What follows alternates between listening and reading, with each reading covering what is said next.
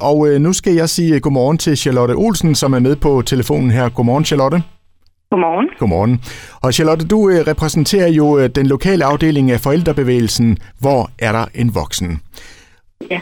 Og nu har jeg jo stået her øh, til morgen i radioen og sagt, at øh, der var 433 tøjbamser, der demonstrerede foran øh, Rådhuset i Esbjerg i lørdags.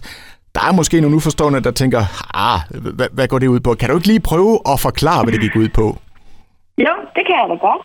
Jamen, øh, det var en del af en landsdækkende demonstration, som der var i lørdags, og at man øh, rundt omkring i landet øh, på forskellige rådhuse og ved Christiansborg Slottsplads i København valgt at sende øh, bamser i demonstration, fordi at nu har vi jo øh, en, en situation i Danmark med corona, som gjorde, at vi ikke mente, det var forsvarligt, at mennesker mødes. Så øh, det blev bamserne, der blev sendt til demonstration i stedet for. Og øh, vi demonstrerer selvfølgelig, fordi at selv her efter halvandet år, hvor vi har været i kamp, så er der desværre stadigvæk øh, en kamp foran i forhold til minimumsnormeringer i børnehøjde, og i forhold til gerne at få dem indfaset noget før en øh, 2025. Og lad os lige prøve at høre, altså alle de her bamser her, hvordan har I fået fat på dem? Jamen det har vi simpelthen gjort øh, gennem vores øh, lokale Facebook-gruppe, hvor vi har efterlyst at, øh, at få bamser, som, som der måske var børn, der ikke havde behov for derhjemme længere.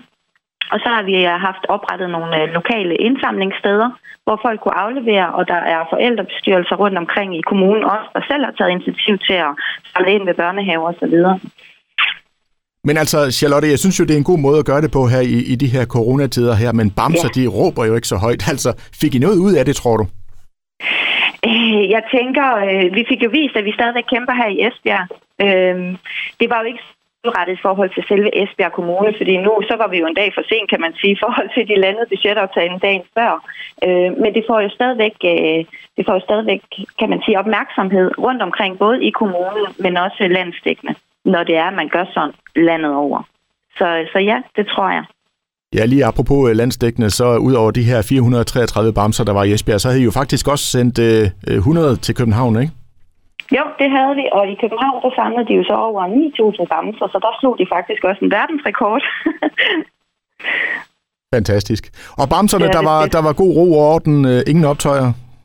Det var der ikke, nej. De, øh, de var rigtig søde. De repræsenterede øh, rigtig fint. Ja, og jeg ved, at de her bamser, de, de får jo et nyt liv nu. Hvad, hvad er det, der skal ske med dem? Jamen altså, en del af dem er faktisk allerede afleveret ved øh, møderhjælpen her i Esbjerg, og så bliver en del af dem kørt øh, til øh, en organisation, der hedder Biomis Aid, der sender dem videre til øh, Libanon eller Syrien. De sender container afsted med, med tøj og bamser og så videre, cirka hver tredje måned. Charlotte... Og der får vi bamserne med. Dejligt at høre. Det er jo en, øh, ja. en rigtig fin historie. Charlotte, det det. jeg siger tak for snakken, og så vil jeg da bare ønske dig en rigtig god dag.